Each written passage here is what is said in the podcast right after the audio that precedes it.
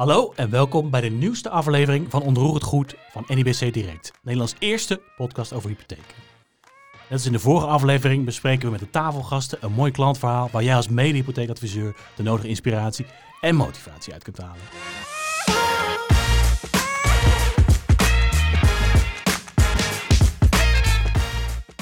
Bij mij aan tafel zitten Juri van den Heuvel en Brian van den IJssel. Juri, je bent werkzaam bij de hypotheekdesk van NIBC Direct. Klopt. En Brian, jij bent uh, hypotheekadviseur bij Visio Partners in Hillegom. Welkom heren, fijn dat jullie er allebei zijn. Voordat we dan naar het klantverhaal induiken, wil ik eerst even wat meer over jullie weten. Een beetje achtergrond. Brian, hoe lang uh, werk jij inmiddels als hypotheekadviseur in uh, Hillegom? Ja, goedemiddag Tim. Uh, nou, in Hillegom zitten we nog niet zo heel erg lang, een jaartje of acht. Ik ben zelf van een kleine 23 jaar inmiddels in het vak werkzaam. Als, begonnen als verzekeringsadviseur en ook een beetje in hypotheken gerold. En eigenlijk steeds meer op hypotheekgebied gaan, uh, gaan doen. Mm -hmm. En nu eigenlijk vandaag de dag eigenlijk uh, bijna volledige tijd alleen maar met hypotheken bezig. Met uh, alle hectiek en drukte wat dat betreft. Dus in okay. redelijk wat jaartjes veel gezien.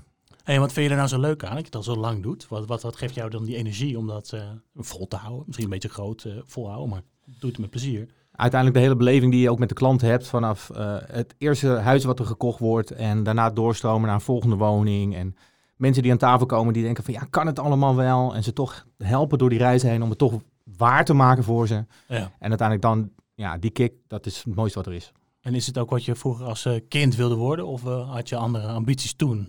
Ik wist nog niet echt helemaal welke kant ik opging. Ik was al wat meer administratief aangelegd. En opa deed wel iets in de verzekeringen en mijn oom. Dus ik denk, nou, ik ga toch eens kijken en proberen. En ja, ja eigenlijk op mijn zeventiende mijn eerste stageadres gedaan. En eigenlijk altijd blijven plakken. En uh, Juri, gaat het ook voor jou? Wilde je ook al als kind, uh, wist je als kind al dat je zeg maar in die hypotheekwereld uh, wilde belanden later? Nee hoor, helemaal niet. Ehm, dus ik ben, zoals zoveel mensen, in het hypotheekvak gerold. En mm -hmm. in mijn geval kwam dat door mijn toenmalige vriendin. zij werkt al en ik studeerde aan de Universiteit van Amsterdam. Mm -hmm. Was eigenlijk een soort losse flodder-studie nadat ik de HEO had afgerond. Wat studeerde je? Oh, de, ja. Ja, ja, ja, ja. dus HEO heb ik uh, keurig gedaan en toen ging ik nog uh, een beetje freewheelend bestuurskunde doen. Ja. Uh, op zich was het best interessant, maar ik had maar een uurtje of vier, vijf college in de week. en de rest van de... Relaxed, ja. Ja, was heel relaxed. Maar het grootste gedeelte van de dag, of van de week eigenlijk, zat ik dus thuis. En zij werkte. En daar was op een gegeven moment goed klaar mee. Um, en toen zei ze ook van, nou, je zorgt maar dat je binnen een week een baan hebt. Pittige dame. Ja, ja, ik spreek er nog steeds over. het is niet met mijn vriendin, maar ik spreek er nog steeds. Oh, dat is wel leuk nog. Ja, dat is wel grappig, ja. ja. Um, en anders dan, uh, ga je, dan ga je ook maar een nieuw huis zoeken. Dus toen ben ik naar het uitzendbureau toe gegaan. En heeft het uitzendbureau een, een baan gevonden bij Reaalverzekeringen, toen nog Reaalverzekeringen, op de hypotheekafdeling. En daar ben ik toen begonnen. En via heel veel omzwervingen, maar altijd wel in de financiële dienstverlening ben ik nu bij uh, NIBC Direct uh, terechtgekomen. Leuk, leuk om te horen. Een zo is het gegaan, ja. Toen is mijn bloeiende carrière in financieel, de financiële dienstverlening begonnen. Wat mooi. En ik zit er nu nog in. Ja, dat blijkt, ja. Anders ja. zat je niet, nee. waar. En wat geeft jou nog energie in jouw functie, zeg maar je dagelijkse... Um, op, de, op de hypotheekdesk uh, behandelen wij eigenlijk de zaken die uh, uh, afwijken van het reguliere beleid. Mm -hmm. Dus het kan zijn op onderpand of op inkomen. Um, en ik denk dat, ik vind dat vooral leuk, dat het ja. afwijkende zaken zijn. Ja. waarbij het nou ja, elke keer ook daadwerkelijk weer anders is. Ja. Um, nou ja, en, dat, en daarin mogen we als hypotheekdesk, vind ik, heel zelfstandig handelen. Mm -hmm. en beslissingen nemen. En, uh, en dat doen we dan ook. En zo ook uh, onder andere in het geval met, uh, met Brian. Ik vind juist omdat het moeilijk is en elke keer weer anders is, dat geeft eerder, eerder energie ja, dat dan andersom. Ja. Ja, ja. Zeker als het allemaal goed afloopt, dan haal je daar wel. ja, ja. niet alles loopt goed af hoor. Nee, er dat zijn ook zaken die niet goed aflopen. Maar. Het is live, hè? Ja. Dat is. live as we know it, yes, yes. Oké okay, mannen, dank voor deze korte uh, kennismaking, zeg maar. Tijd voor dat mooie klantverhaal. Uh, Brian, we beginnen dan even bij jou. Uh, wanneer startte dit verhaal? Hè? Als je terugkijkt in de tijd, wanneer begon het? Het was in ja, de hoogtijdagen van de corona en, en de aanvraagstroom van juni 2020. Mm -hmm. Ehm, iedereen zit druk in het werk, dossiers lopen op, aanvragen blijven maar binnenstromen en ja, tijdsdrukken lopen overal op. Ja. En ja, dan komt er zo'n dossier inderdaad naar voren wat eigenlijk uh, puntje bij paaltje nog eventjes snel geregeld moet gaan worden, omdat er echt een tijdslimiet op zit. Ja, want hoe lang had je uiteindelijk om het te regelen? Ja, we hadden een week de tijd. op, donderdag werd het afgeklapt en vrijdag daarna zouden we eigenlijk uh, bij de notaris moeten zitten. Ja, we praten over werkdagen dan, hè? Dus niet de zeven dagen, maar echt de vijf, ja. vijf dagen. Ja, nee, uiteraard. Nee, en dit betreft tot een, een onderneemster in, in de horeca. Een branche die zeker in de coronatijd natuurlijk redelijk onder, onder een vergrootglas ligt. Absoluut, Terecht. Ja. Um, was een casus die bij mijn collega in eerste instantie lag. En ja, uiteindelijk met de betreffende geldverstrekker en de externe die de inkomensverklaring moest afgeven, die kwam daar niet helemaal lekker mee uit. En eigenlijk vlak voordat de alle deadlines verliepen qua ontbindende voorwaarden, dat soort zaken, kwam je eigenlijk bij mij van, nou goed Brian, wil je meekijken en kijken waar we een oplossing in kunnen hebben. Ja. Um, en dan ben ik in eerste instantie ook met de externe rekenexpert voor de inkomensverklaring ook uh, eens gaan praten van, joh, waar liggen de mogelijkheden, onmogelijkheden? En daar kwam ik eigenlijk niet helemaal mee verder. En ik heb even goed vastgebeten in het dossier. Met de boekhouder wat contact gehad. Met de onderneemster zelf inderdaad. Van joh, hoe heb je nou bepaalde zaken over nagedacht in coronatijd? En um, hoe is de afgelopen periode gegaan en dat soort zaken. Ja. En daarmee ben ik inderdaad ook met dat verhaal naar, naar Jury inderdaad toegestapt. Uh, telefonisch even overleg gehad van dit is de casus. Uh, zo zitten we in elkaar. Dit is mijn insteek. Zo denk ik erover. En hier denk ik dat we bepaalde risico's kunnen ondervangen. En hoe sta jij er zelf in? En mhm. ja, op basis van dat gesprek heeft Jury eigenlijk in, daarin meegedacht. En die, die zegt van nou, als je deze casus op deze manier naar de rekenexpert doorzet, krijgen wij daar vervolgens inderdaad de overrule verzoek voor, om het zo te noemen. Ja. En dan ga ik me daar ook in verdiepen en kijken waar we daar een oplossing in kunnen vinden klinkt goed. En kan je nog eerst wat meer vertellen over deze klant uh, die je dan uh, zeg maar, uh, voor je had? Ja, betreft een, een onderneemster in, in de horeca. Zij had een kleine twee jaar geleden een bestaand restaurant in Zandvoort overgenomen. Ja. Daarvoor heeft ze in Zeeland een restaurant gehad en is deze kant op gekomen. Um, ze woonde op dat moment in een huurwoning en moest ergens anders naartoe omdat de huur was opgezegd eenzijdig vanuit de oh, huurbaas. Ja. Dus ja, er zat ook een beetje voor haar een beetje tijdsdruk inderdaad achter. En, um, ja, want ze had al ja gezegd hè, tegen dat uh, nieuwe huis. Hè? Ja, ja dat klopt. Dus ja, daar verliepen ook de ontbindende voorwaarden redelijk snel allemaal mee. De overdracht stond inderdaad al allemaal heel snel gepland. Ja.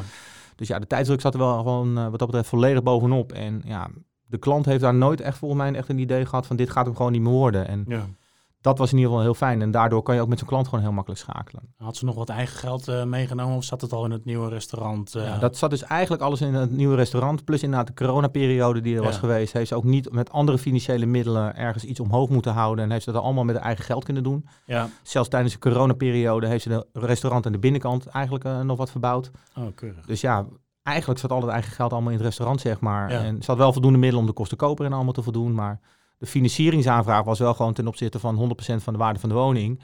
Dus ja, dan lig je gewoon wat kritischer onder vergrootglas. En uh, niet meer dan logisch wat dat betreft. En je zei dus dat het mank uh, liep, uh, zeg maar, door de inkomensverklaring, hè? Ja. Bij de eerste geldverstrekker. Okay. Ja. Wat was, wist, kan je daar duiden? Is dan, wat is daar dan mis mee? Of was het niet volledig? Of nou, de insteek zoals wij die hadden genomen van je hebt nu twee jaar een bestaand restaurant overgenomen, dus we willen op het bestaande restaurant inderdaad verder oh, gaan ja. doorborduren en dat verleden wat je in een andere regio hebt gehad met een totaal ander restaurant ook helemaal erbuiten laten. Ja. Ja, en die geldverstrekker die zag dat totaal niet zitten en die zei van ja, nee, uh, zeker nu in coronatijd gaan we daar ook niet verder in kijken en uh, wij kappen hem hier nu gewoon op af. Dat was wel echt een harde nee inderdaad, waar ja. geen, uh, zat geen rek meer in zeg maar. Helemaal nul.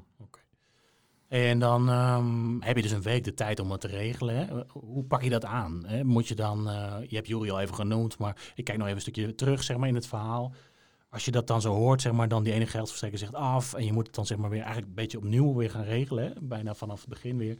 Moet je dan meteen aan NBC Direct en misschien ook meteen aan Jury denken, zeg maar, als zeg maar jouw partner in crime om het... Uh... ja, ik, ik, het is natuurlijk een gewetensvraag, want het zou heel raar zijn als ik hier natuurlijk nee zeg. Ik denk niet meteen aan NBC. nee, maar eigenlijk binnen, nee, maar binnen vijf minuten viel het kwartje al van, ja, weet je, waarom zou ik nou moeilijk doen? Ik ga in eerste instantie ook met Jury inderdaad het overleg doen. Ja. En heel praktisch, op het moment dat het bij, uh, met name Jury, waar wij heel veel contact hebben met NBC, als Jury nee zegt, dan stopt voor mij de casus ook gewoon. Oké, ja, dat is wel echt... Uh... Um, dus nee, wat dat betreft was het eigenlijk binnen vijf minuten geregeld. Viel het kwartje bij mijzelf inderdaad ook van ja, ik kan maar één weg inderdaad op. En niet omdat we alle rommel daar neerleggen. Nee, maar gewoon door het contact wat we ook hebben in andere dossiers. Van ja, als er dan één iemand is waar we nu inderdaad de casus echt vol kunnen doorpakken.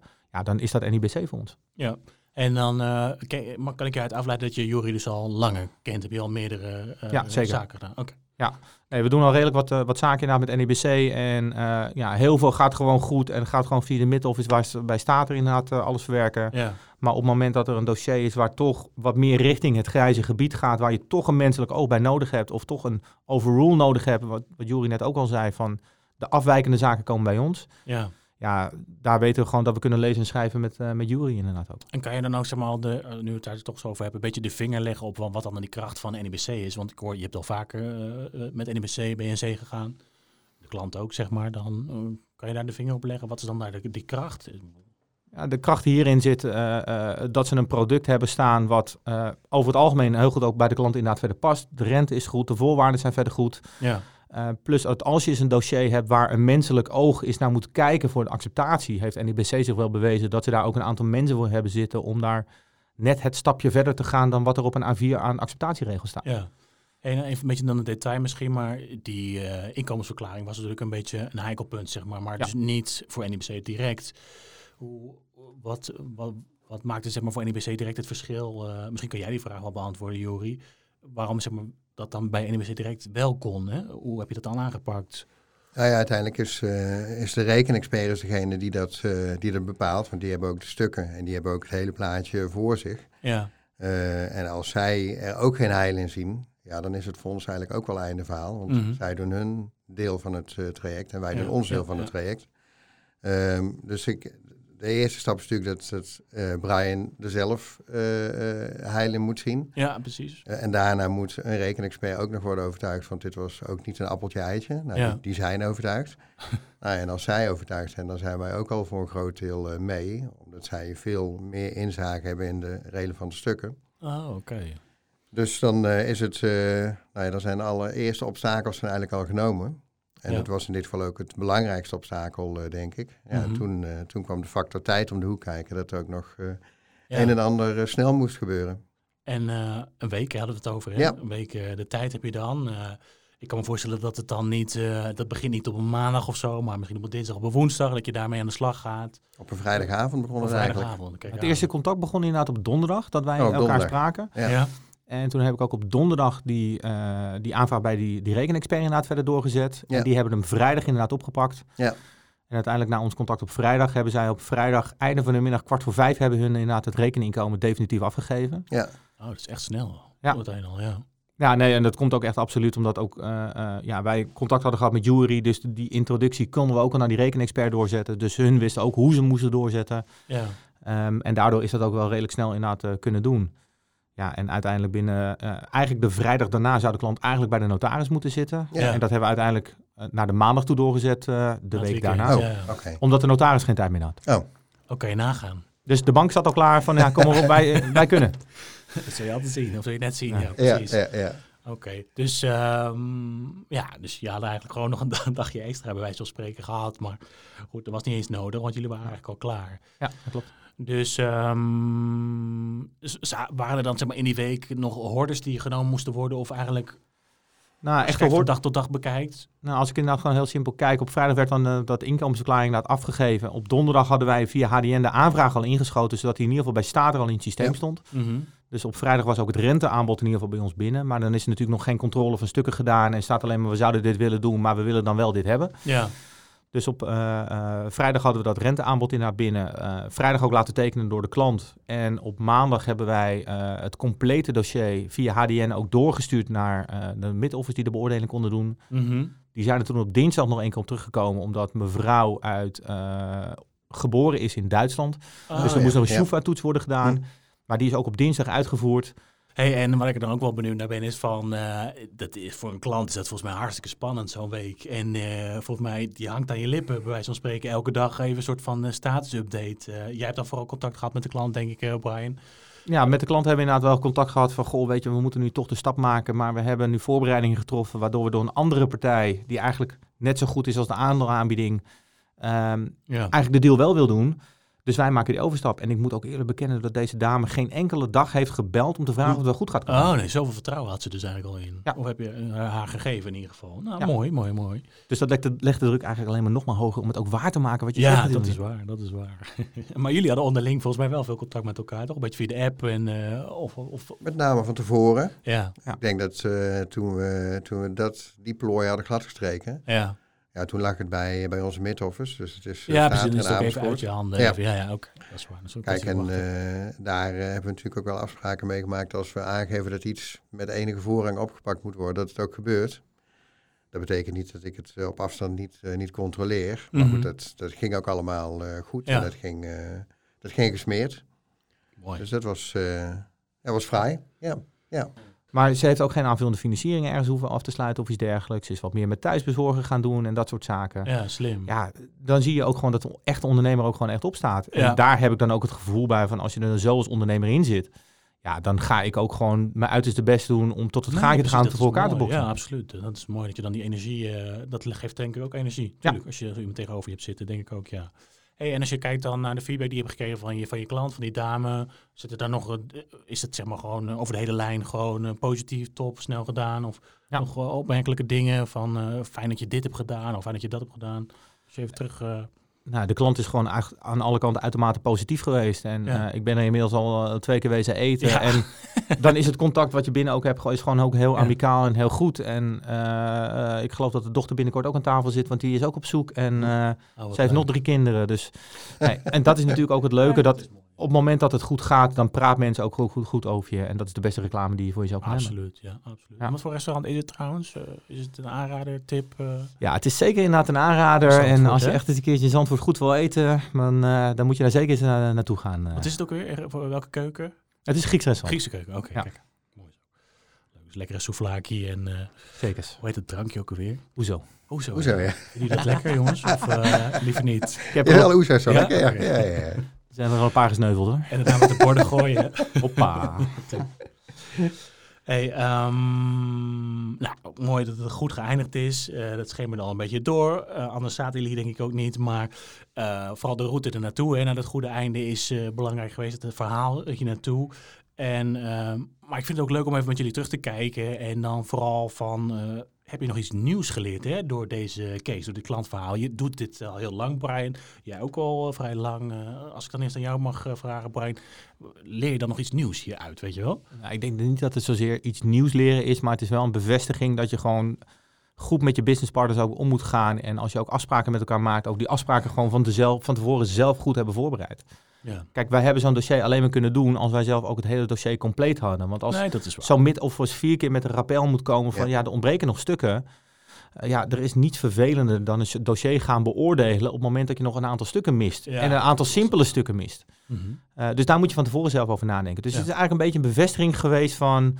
we zijn businesspartners van elkaar, we kennen elkaar ook... we weten wat we aan elkaar hebben. En als we dan zo'n casus hebben, Ja. ja, dan kunnen we ook op elkaar terugvallen. En dat is alleen maar een bevestiging geweest. ja, en zie jij dat hetzelfde, Joeri? Is het voor jou? Of heb jij dit, nog nieuwe dingen geleerd? Dat je dacht van, oh, dat is even iets... eh, Nee, ook niet, eh, geen, geen nieuwe dingen. En ik denk dat wat, wat Brian zegt ook helemaal waar is. Ze zijn eh, business partners. En het woord partner geeft al aan dat je elkaar moet kunnen vertrouwen.